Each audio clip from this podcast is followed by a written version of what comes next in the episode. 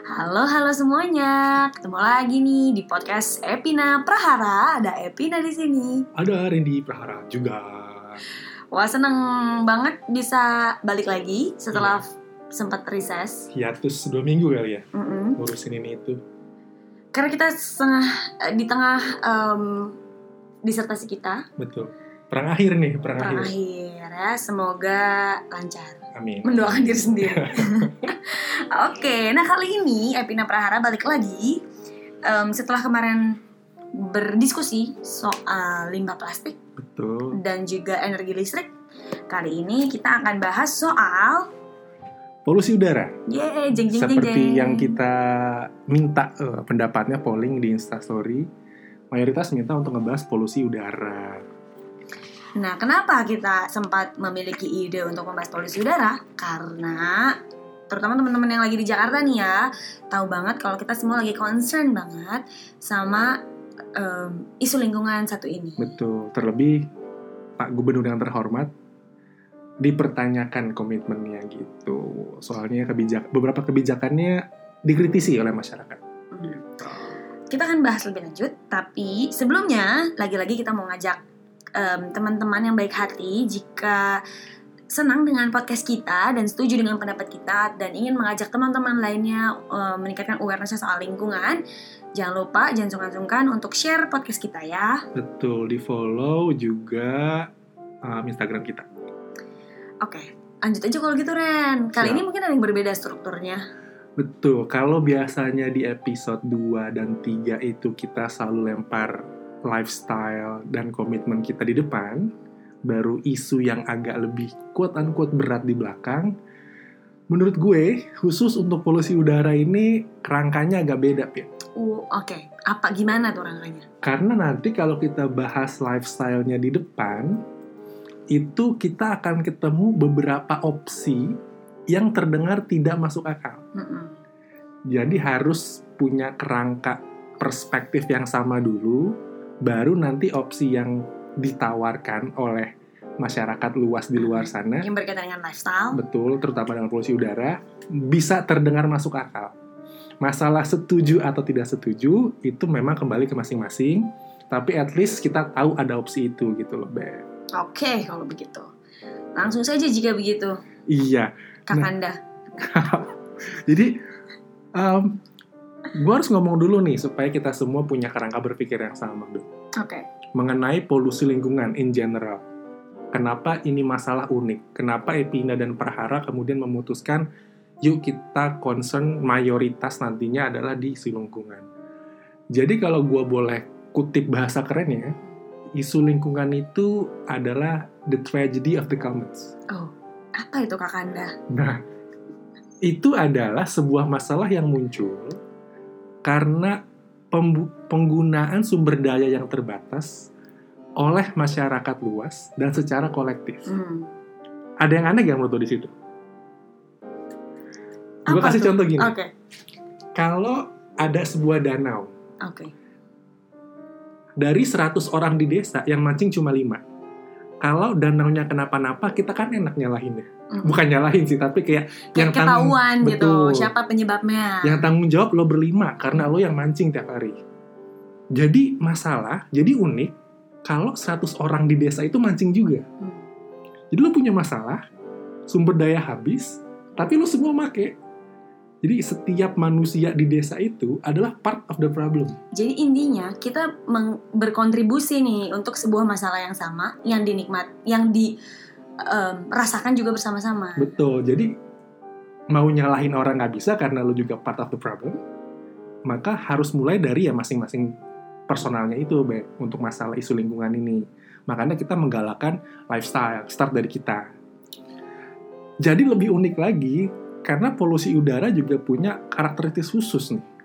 Oke, Kalau gue boleh meminjam bahasanya Profesor Fisher dan Profesor Scottford, boleh, boleh, boleh. Silahkan. mereka itu berdua ahli ini, Beb, eh, hukum lingkungan. Oke. Mereka bilang untuk isu polusi udara adalah it is a polycentric issue. Apa itu polycentric issue? Ketika hubungan antara sebab dan akibat tidak linear. Aduh, berat Oke. banget ya, berat banget ya. Intinya em, bahasa gampangnya deh Ren. Bahasa gampangnya adalah penyebab dan akibatnya itu tidak berdasarkan oleh satu jenis masalah. atau je- satu jenis penyebab yang lo bisa tafsir dengan mudah gitu. Betul. G- gampangnya kita perbandingin deh.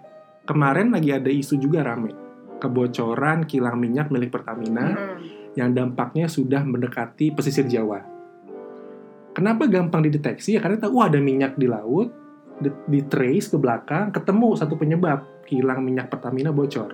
Tanggung jawabnya gampang. Eh Pertamina, do your work, gitu kan? Mm-mm. Atau isu kemarin Sungai Citarum, ya linear karena tinggal cek siapa pabrik yang buang, buang limbah ke situ, siapa masyarakat yang buang sampah ke situ, diatur, dilaksanakan, maka jadi bersih. Solve. Solve. Oh. Sekarang gue balikin ke lo. Apa menurut lo penyebab polusi di Jakarta kemarin? Kalau misalnya nih kita fokusnya ke itu tuh metro mini metro mini yang udah pada tua Hmm. kan asapnya tebel-tebel banget. Hmm. Intinya eh, misalnya nih oke kita spot lah tuh misalnya sih Mhm. para kendaraan umum yang em, emisinya itu tidak ter, tidak tersaring dengan Betul. baik ya. Nah, belum tentu juga tuh p- udara di Jakarta langsung otomatis bagus. Betul. Selain itu apa kira-kira? Misalnya berfi ini nyalahin itu loh ojek online Ojek yang, online yang terlalu katanya banyak. gitu kan. Terus dibilang stop. Langsung solve nggak menurut lo?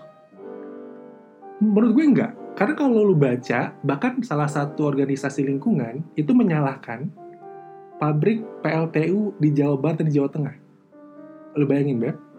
yang kayak mungkin lo secara orang awam pun kayak "Ah, bentar bentar bentar hubungannya gimana Hubungannya apa? gitu. PLTU di Jawa Tengah sama di Cirebon, Jawa Barat, kok Jakarta yang jadi masalah? Mm-mm. Ada lagi kalau lu cek, ahli planologi bilang salah satu penyebabnya adalah berkurangnya ruang hijau di Hmm. Bogor, Tangerang, dan Bekasi. Oke, Kalau lu bilang itu salah dan benar, semua itu ada kemungkinannya. Oke. Jadi sebenarnya kita tuh nggak bisa. Ini tuh bukan masalah hitam dan putih. Betul. Jadi ini tuh abu-abu yang semua komponen-komponen itu jika dikumpulkan menjadi satu bisa menjadi solusi ataupun penyebab Mhm. polusi udara di Jakarta either tambah parah atau berkurang. Betul. Makanya tadi balik ke awal, polusi udara itu polisentrik. Penyebabnya nggak linear. Penyebabnya banyak, akumulasi dari berbagai penyebab, sehingga solusinya juga harus em, interdisipliner. Oke. Jadi lu nggak bisa nyalahin gubernur dengan bilang, ah ini gubernur kok nggak ngapa-ngapain? Ya, lu sekarang bayangin penyebabnya aja bisa dari Jawa Barat, bisa dari Jawa Tengah, bisa dari Banten. Ketika itu menjadi hal yang uh, saling keterkaitan, gubernur sendiri nggak bisa.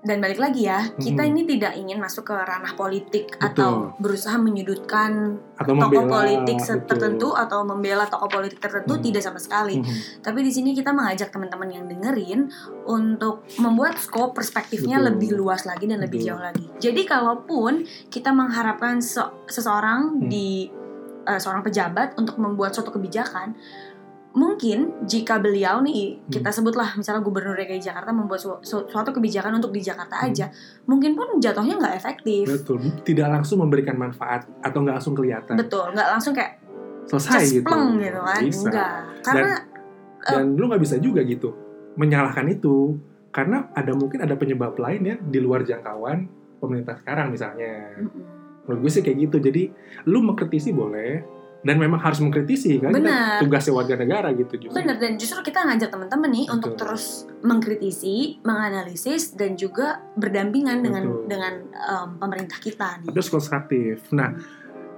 bagaimana sih dunia internasional kemudian mencikapi polusi udara Mm. jadi ada sebuah konsep atau prinsip lah ini juga masih perdebatan Oke. untuk apakah ini prinsip atau ini konsep namanya sustainable development Oke, atau bahasa padanannya itu pembangunan berkelanjutan.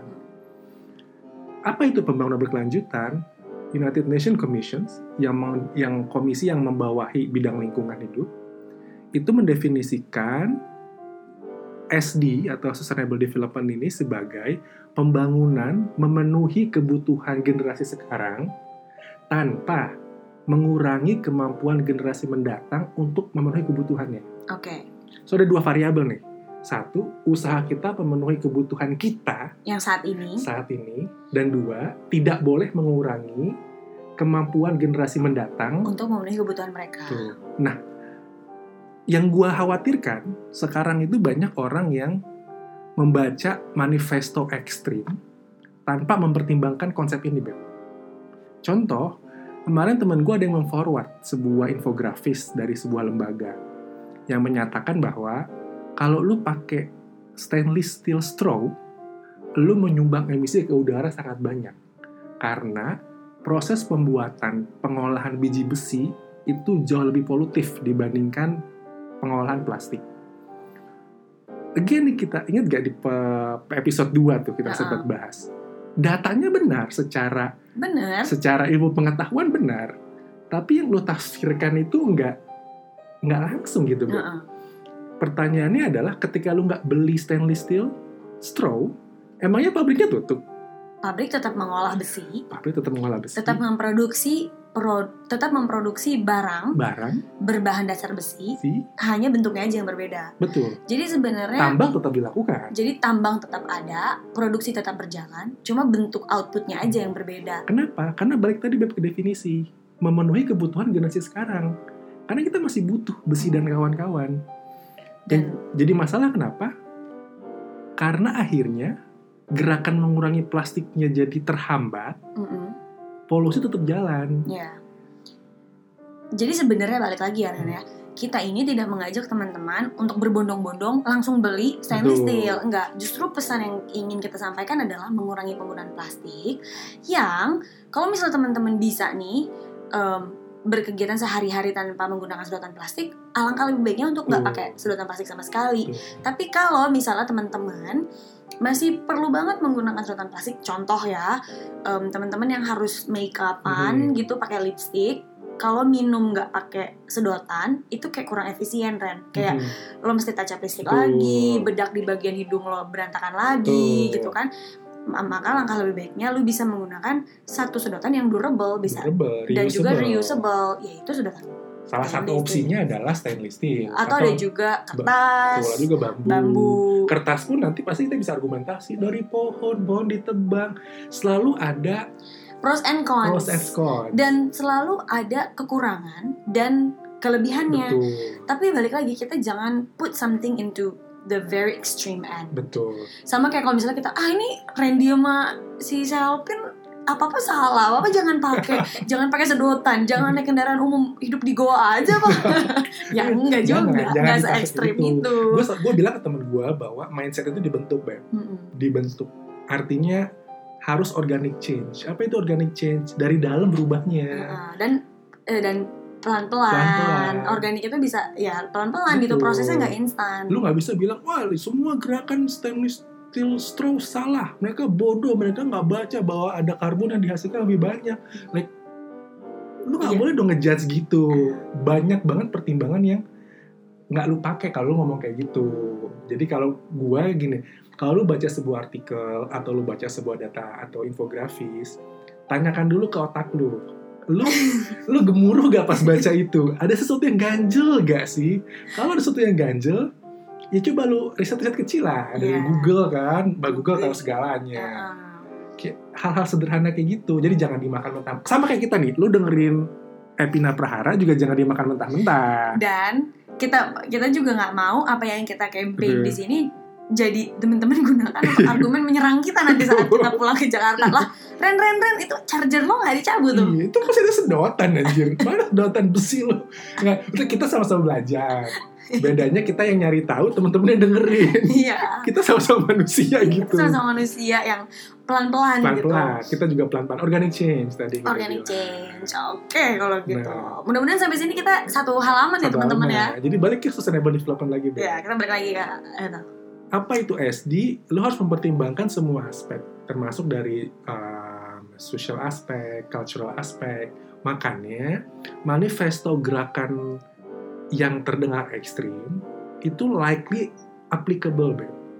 Kenapa? Karena tadi kalau lu nutup pabrik kan masih ada aspek-aspek yang perlu dipertimbangkan pemenuhan kebutuhan masyarakat, benar uh, sirkulasi ekonomi, betul pembangunan jadi nggak merata dan lain-lain. Dan makanya konsep SD ini muncul dengan dengan maksud kita jangan mengorbankan kita generasi sekarang untuk memenuhi kebutuhannya, but at the same moment lu nggak boleh juga ngorbanin generasi mendatang buat memenuhi kebutuhannya. Jadi intinya kayak em, apa ya? Kayak contoh simpelnya lah kayak kita jangan eksploitasi lingkungan Betul. berlebihan untuk memenuhi kebutuhan kita saat ini tan- dengan melupakan kalau lingkungan yang sama loh yang akan menghidupi anak cucu kita ke depannya intinya gitu Intinya atau gitu. kayak oh ya kita tahu nih kalau pakai sedotan plastik pakai berbahan dasar plastik apa segala macam bahaya kita benar-benar stop secara Hmm. ekstrim karena supaya ya eh, lingkungan tetap lestari di masa Hmm. depan ya enggak juga juga. kita mengorbankan Betul. Jadi tadi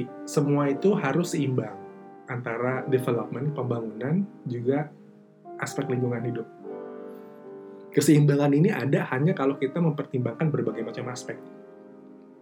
Percayalah, kita kita semua paham tambang itu buruk buat lingkungan. Tapi menutup semua pabrik tambang dalam waktu yang dekat tidak lebih baik dampak yang timbulkan, tidak lebih baik atau bahkan lebih buruk dibandingkan yang kita rasakan sekarang Mm-mm. ya kalau perusahaan tambang memberikan pemasukan pada negara, memberikan pekerjaan bagi masyarakat, Betul. memberikan pembangunan di wilayahnya, Mm-mm. dengan menutup itu semua secara waktu secara berdekatan, atau kayak ingatlah di episode 3 kita ngomong orang mengkritisi PLTU, Uh-uh. itu lucu banget Beb, sumpah. Tahu Jakarta mati lampu. oh iya Temen gue langsung nge-DM kayak, Oh iya. gila podcast lu bener. lu kebayang nggak kalau semua PLTU di Jakarta, lu tutup lu ganti renewable, seminggu bu nggak ada listrik. Merana Eh, ini maaf ya bukan kita seneng kalian mati lampu, cuma kita jadi kayak tuh kan, gitu sih kayak tuh Iya, iya. kan yang diomongin tuh kan, tuh Uh-uh. kan, jadi kayak dan beneran bahkan ada satu ada bahkan ada satu artikel yang ketemu waktu itu Hmm. di berita kayak em, itu terjadi karena pasokan listrik itu terpusat di Jawa dan Jawa, Bali, uh-uh. gitu. Jadi satu putus bubar. Mm-mm. Nah, makanya kalau lu PL, mengkritisi PLTU boleh dan benar karena memang ada opsi lain. Tapi minta PLTU ditutup, nah kebayang ya tuh kemarin tuh belum ditutup loh. Kemarin ada gangguan, mati lampu berjam-jam, masyarakat heboh. Jadi pertanyaan, nih mana orang yang dukung kemarin minta PLTU diganti? Pelan-pelan, pelan-pelan. Jadi kita akan mengganti PLTU one day sesuai dengan amanat undang-undang energi. Lu akan punya energi terbarukan, tapi berproses. Sama kayak nanti kita ngomong polusi udara. Lo dan gue kita semua berpartisipasi dalam polusi udara. betul Kemacetan misalnya, lu bawa sendiri kendaraan, lu naik uh, ojek online, lu berpartisipasi dalam itu semua. Jadi pelan-pelan lah, lu nggak bisa tiba-tiba pengen kalau bahasa gue ke temen gue tuh lu nggak bisa tiba-tiba ijo gitu. benar dan nggak bisa tiba-tiba kayak em, semua masalah lingkungan kelar Hmm. gitu nggak bisa menurut gue harus harus pelan-pelan jadi em, kita harus sadar Hmm. kalau kita menyu kita berkontribusi nih terhadap apa yang terjadi di lingkungan sekitar Mhm. kita limbah eh, ataupun perubahan yang lebih baik lagi jadi kalau boleh gue recap nih di sesi satu ini satu polusi lingkungan itu adalah tragedy of the common kita semua berpartisipasi dalam isu lingkungan partisipasi both ya dalam mengurangi atau juga dalam menambah. Kedua, polusi udara itu polycentric. Sebabnya banyak. Jadi solusinya nggak bisa linear. Makanya nanti ini di sesi 2, lu akan dengar beberapa solusi yang terdengar tidak masuk akal. Tapi kalau lu, karena kita udah paham nih di awal, oh karena ternyata penyebabnya Banyak. nggak bisa nih cuma satu dua em, bagian dalam kehidupan yang dibenerin. Ternyata banyak yang harus diperhatikan opsi-opsi itu. Dan yang ketiga, meskipun, meskipun- sebentar meskipun em, satu dan lain hal opsi itu menyumbang solusinya pun tidak sama besar Betul. ya. Nanti teman-teman dengerin aja deh. Dan yang terakhir, solusi paling bagus dari polusi udara dan polusi lingkungan pada umumnya adalah konsep pembangunan berkelanjutan atau sustainable development, yaitu di mana kita memenuhi kebutuhan kita sebagai generasi sekarang, tidak mengorbankan kemampuan generasi mendatang. Jadi jangan lupa kita tetap harus develop. Makanya kalau lu baca artikel atau lu baca data-data yang menjurus bahwa kita harus punya extreme measures, punya gerakan ekstrim, coba tanyakan ke nurani lo lagi deh. Apa iya ini yang kita kejar gitu, Be. Mm-mm. Oke kalau begitu. Dengan ini kita siap masuk ke sesi 2. Siap. Oke, kalau begitu langsung deh. Kalau kita kita akan memasuki sesi 2 dan kita akan bahas beberapa opsi yang Iya. mungkin bisa kita lakukan untuk em, mengurangi em, tingkat polusi udara di Jakarta. Khususnya di Jakarta. Khususnya tapi di Jakarta, ini tapi bisa umum ya. Betul, karena tadi yang gue bilang, ya penyebabnya bisa di Bogor, bisa di Jawa Barat. Jadi kalau la- kalau Iya. Siapa tahu pendengar kita nggak di Jakarta doang kan. Mm-mm. Siapa tahu teman-teman pendengar berasa banget gue artis. Siapa tahu teman-teman nggak tinggal di Jakarta doang gitu. Dan solusi yang kita berikan ini, opsi yang kita berikan Opsi. ini doable di mana pun. Betul. Dan kalau nanti kalian dengar opsi yang terdengar quote unquote uh, debatable atau quote unquote apa ya? Yang mungkin kalian tidak sepenuhnya setuju? setuju, it's okay. It's okay. Ini semua opsi. Lu bisa, you can, it is an options. You can choose which And- one is the more suitable with Iya. you. And you can take it as an information. Betul. Oke, jadi kalaupun ternyata nggak cocok, ya you decide yourself. Betul. Oke, yang pertama dulu nih Ren, Apa nih yang pertama, Bel? Em, penggunaan mobil pribadi. Betul. Lo harus percaya, kita semua harus percaya, pemerintah nggak mungkin ngelarang orang beli mobil. Nggak bisa. Nggak mungkin tiba-tiba Pak Jokowi, ya orang nggak boleh beli mobil. Ya kenapa mesti ngelubah suara lo gitu? Oh iya, iya, iya. Nah, itu kesannya Pak Jokowi Oh, misalnya iya. gitu. Betul. Karena nggak mungkin dibatasin, maka yang paling memungkinkan adalah Em, kita sering-sering naik kendaraan umum. Betul. Jadi kalau bahasa kerennya dipiketin lah, yaudah Senin, Rabu, Kamis, kok jelek banget susunannya. Senin, Selasa, Rabu naik mobil, Kamis, Jumat nggak naik mobil, Sabtu Minggu, Sabtu Minggu naik, naik mobil. mobil. Nggak Jadi nggak harus ekstrim tiba-tiba ya udah mobil gue jual jangan jangan ya maksudnya pertimbangkan masak-masak kok Randy sama Epina bilang nggak boleh pakai mobil dijual gitu jangan ya kita juga bukan bukan junjungan ya, jangan apa yang kita omongin Iya. diikutin gitu. Jadi kayak em, kita balik lagi kita Betul, saran. opsi. Tapi emang benar. Ren, kalau penggunaan mobil pribadi itu memang menyumbang em, polusi. betul apalagi yang macet beb Mm-mm. karena dia nggak gerak pembakaran lebih tidak sempurna jumlah CO2 yang dikeluarin itu jauh lebih uh, banyak dibandingin yang lagi jalan lucu Hmm. beda ya udah Ya gitu kata orang IPA Iya, dan kalau misalnya kita lihat kondisi di Jakarta ya, Hmm. yang which is ruang terbuka hijau balik lagi em, tidak sebanyak wilayah lain. betul Em, jadi em, emisi yang ada di udara memang tidak Betul. cukup tersaring gitu. tapi jadi kayak ayam dan telur nih beb Mana duluan? betul karena ini lagi udah lagi jelek terus nggak boleh pakai mobil nah gimana nih cara nih beb supaya ya udah kita mobil kurangi tapi survive juga di udara jelek ini Nah, yaitu caranya adalah pakai masker. Nah, maskernya, oke. Dari data yang kita baca sih, masker apotik yang biasa dipakai sama ojek online itu ternyata kurang efektif. Tidak cukup. Tidak cukup untuk kondisi yang sekarang ya. Hmm, Tidak cukup. Jadi disarankan untuk beli masker yang memang khusus Iya. tingkat polusi udara lebih besar. Nah, kita sambil sebutin deh sekarang nih maksud Nah. kita adalah bulan Agustus tahun 2019. betul. Siapa tahu ada yang dengerin kita 20 tahun Tahun, dari sini. Jadi Jakarta gini nih enggak iya.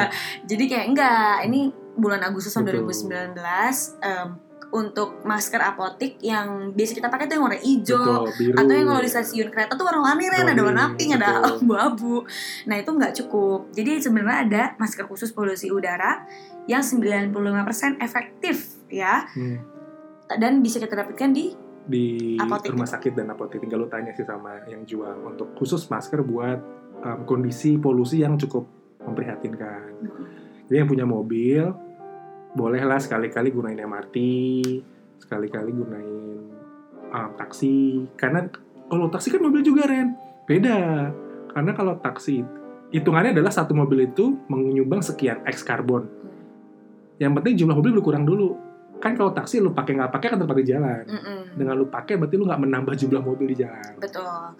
Dan juga balik lagi penggunaan taksi ataupun kayak ojek on- kendaraan online Dan tuh lainnya. itu kan dia dalam sehari nggak cuma ngantar satu penumpang Betul. aja kan dia bisa ngantar banyak penumpang ke banyak destinasi Intinya Opsi gitu. paling bagus ya public mass transportation. Tapi kalau nggak bisa itu dulu, pelan-pelan ya menggunakan opsi yang ada gitu.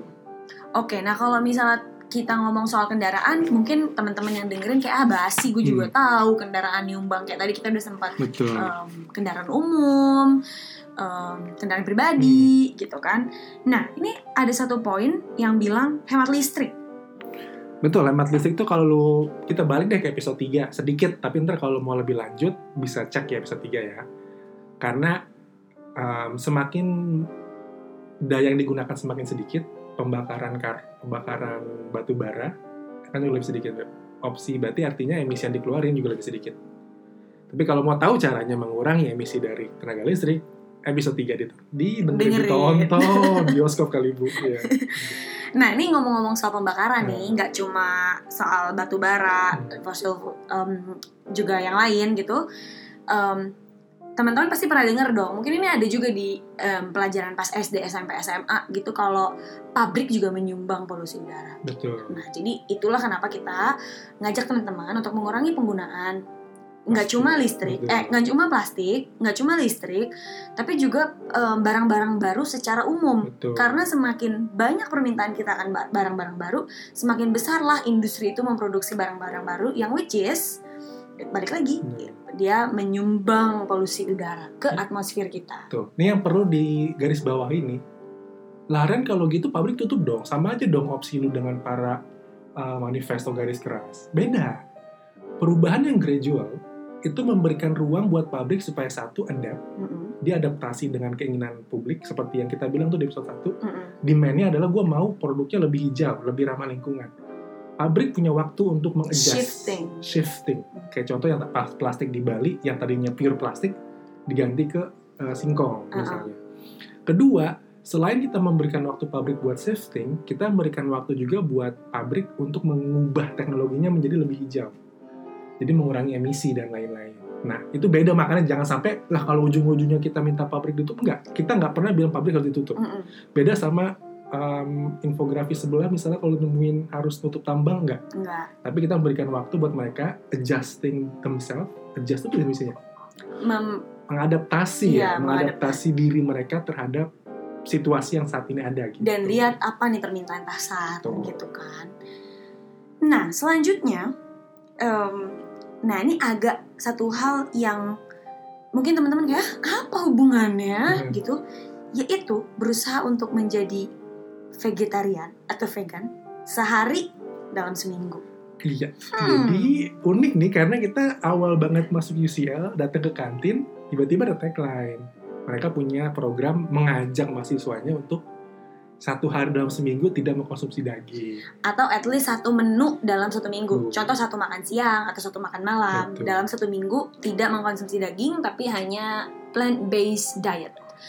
Kita Nah, mikirnya dulu kayak ah, apa apa hubungannya? orang Indonesia gitu kan? yang kita biasa makan daging, Makan dateng, rendang is my favorite ya kan? mie too, steak, Hmm. kaget gitu bukan kaget kayak oh apa ya ada sesuatu apa yang Eh, ya nih apa nih? menyebabkan sekolah bertaraf internasional menggalakkan kegiatan ini gitu. Nah. Ternyata Gitu. Gua nih Ren, Hmm. berdasarkan pengalaman pribadi ya. Oh, gua langsung kayak oh, apa ya eh, pesan yang disampaikan di balik Hmm. campaign Meatless Monday ini? Gitu. Nggak em, tidak makan daging hari Senin untuk makan siang gitu kan. Kayak oke gue langsung googling lah gitu. Kenapa? Oh ternyata mengkonsumsi daging merah em, itu menyum nggak cuma daging merah sebenarnya ya mengkonsumsi daging merah ataupun ayam Hmm. konsumsi daging yang berasal dari peternakan itu mengkonsumsi emisi karbon dioksida ke atmosfer kita itu paling besar betul dan balik ke awal karbon dikeluarkan ke udara itu nggak bisa ditrace. Jadi bisa saja kualitas udara di Jakarta jelek karena itu juga. Mm-mm. Jadi lo jangan mikir, lah kan kebunnya di mana, peternakan di mana, apa hubungannya di Jakarta? Enggak, justru itu. Justru tadi baik ke awal lagi. Gitu. Nah.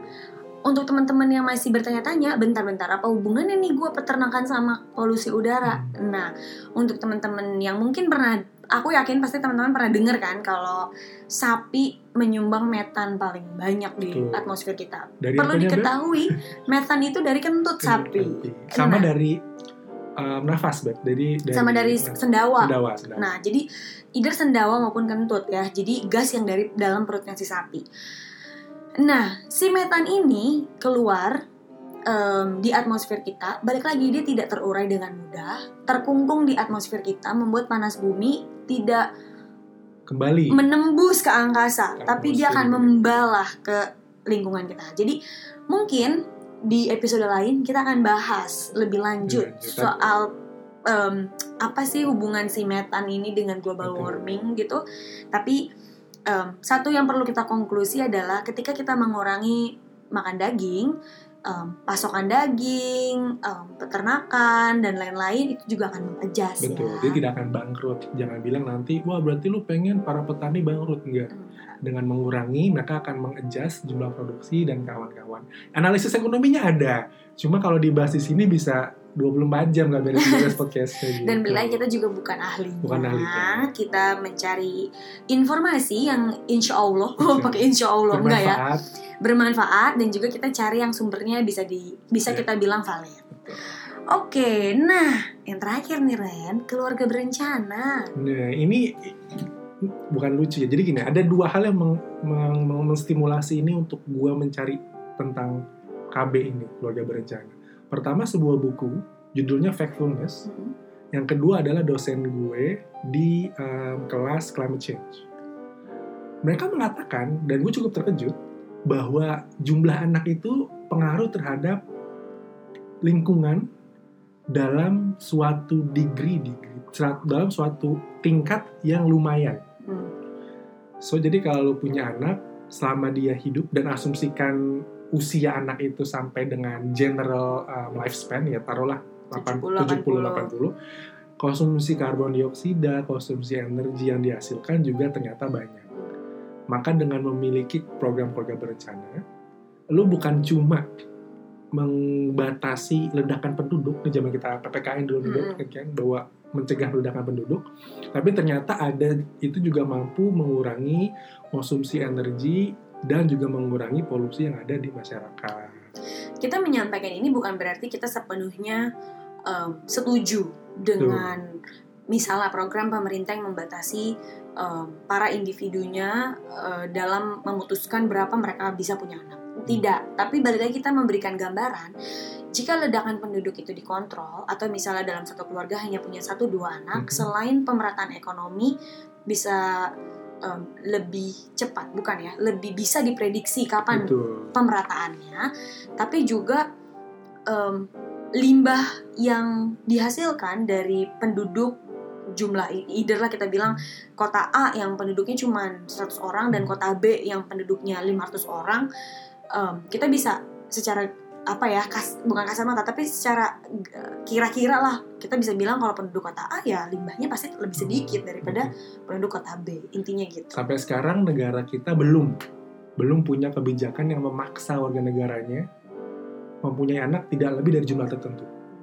Semua himbauan, hanya himbauan, Himbauan. hanya kampanye hanya kampanye lu punya anak dua pria wanita sama saja dan yang dikampanyekan juga adalah usia menikah.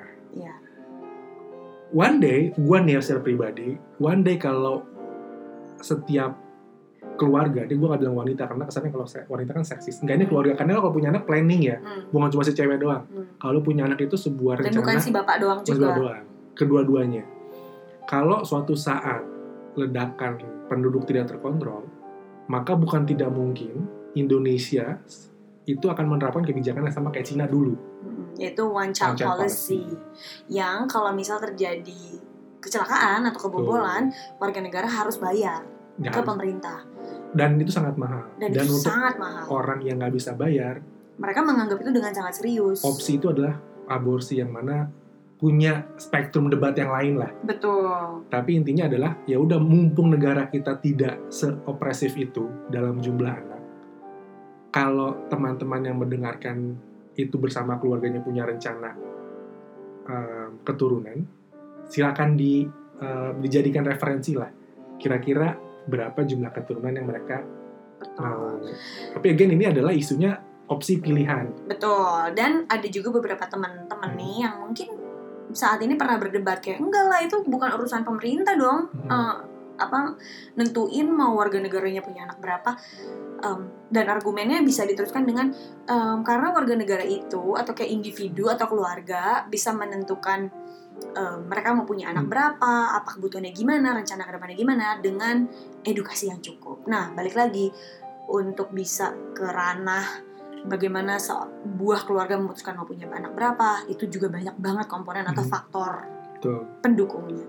Dan balik lagi nih kita ke teman-teman, semua kom- em, solusi atau opsi-opsi yang kita tawarkan kali ini mungkin nih kayak misalnya tadi keluarga berencana, mungkin lo bisa aja mikir ah Randy sama si Salvin jauh banget ngasih sarannya sampai ke keluarga berencana. Tapi kalau balik ke awal, Tapi balik lagi karena ini satu dan lain hal sangat berkaitan erat. Termasuk kalau lu nggak ngontrol penduduk, generasi mendatang yang kesulitan memenuhi kebutuhan. Balik ke konsep sustainable development lagi. Jadi kayak Gitu. emang kita hidup sekarang tidak hanya fokus Sama generasi sekarang. generasi sekarang atau pemenuhan kebutuhan diri sendiri. Iya, Tapi kita mikir lagi apakah yang kita lakukan di sekarang saat ini berkontribusi buruk, baik, atau netral terhadap lingkungan sekitar kita. dan kita nggak ngarang ya jadi jangan sampai teman-teman ini kok yang di ngomongin Epin sama Randy bener gak sih nggak lu bisa cek sendiri di Google apa yang kita omongin sekarang itu lu bakal banyak menemukan referensi Iya. jadi bukan Randy dan Selvin kreatif ngomong lu punya anak sedikit mengurangi uh, polusi udara dan climate change you can find in Google a lot of options Betul. yang kita sebut di sini itu valid Betul. secara data valid gitu Bisa langsung juga dicek nih kalau misalnya mau tahu hubungannya kentut sapi, sendawa sapi Betul. dengan global warming, langsung aja ketik di Google apakah sapi menyebabkan global warming. Oke, kalau gitu Ren, sepertinya podcast kali ini kita sudahi dulu ya mudah-mudahan tidak terlalu berat mudah-mudahan juga tidak terlalu ringan dan mudah-mudahan em, podcast kita kali ini dapat menebar em, nuansa-nuansa positif dan semangat akan pelestarian lingkungan betul dan juga jangan lupa follow dan share ya. Ya, podcast di IG kita. Kalau mau usul masalah tema yang mau dibahas, mau mengkritik, Boleh banget. boleh banget. Karena kan beberapa orang lewat akun langsung kita. Tapi kalau teman-teman yang tidak punya akun IG kita secara langsung, tapi punya thought, punya criticism, any issues, bisa um, at Epina Prahara podcast dan tinggal dibahas di situ. Oke kalau gitu teman-teman terima kasih banyak ya. Em, kita pamit undur diri, Selvin di sini. Dan di Prahara, Dadah. dah.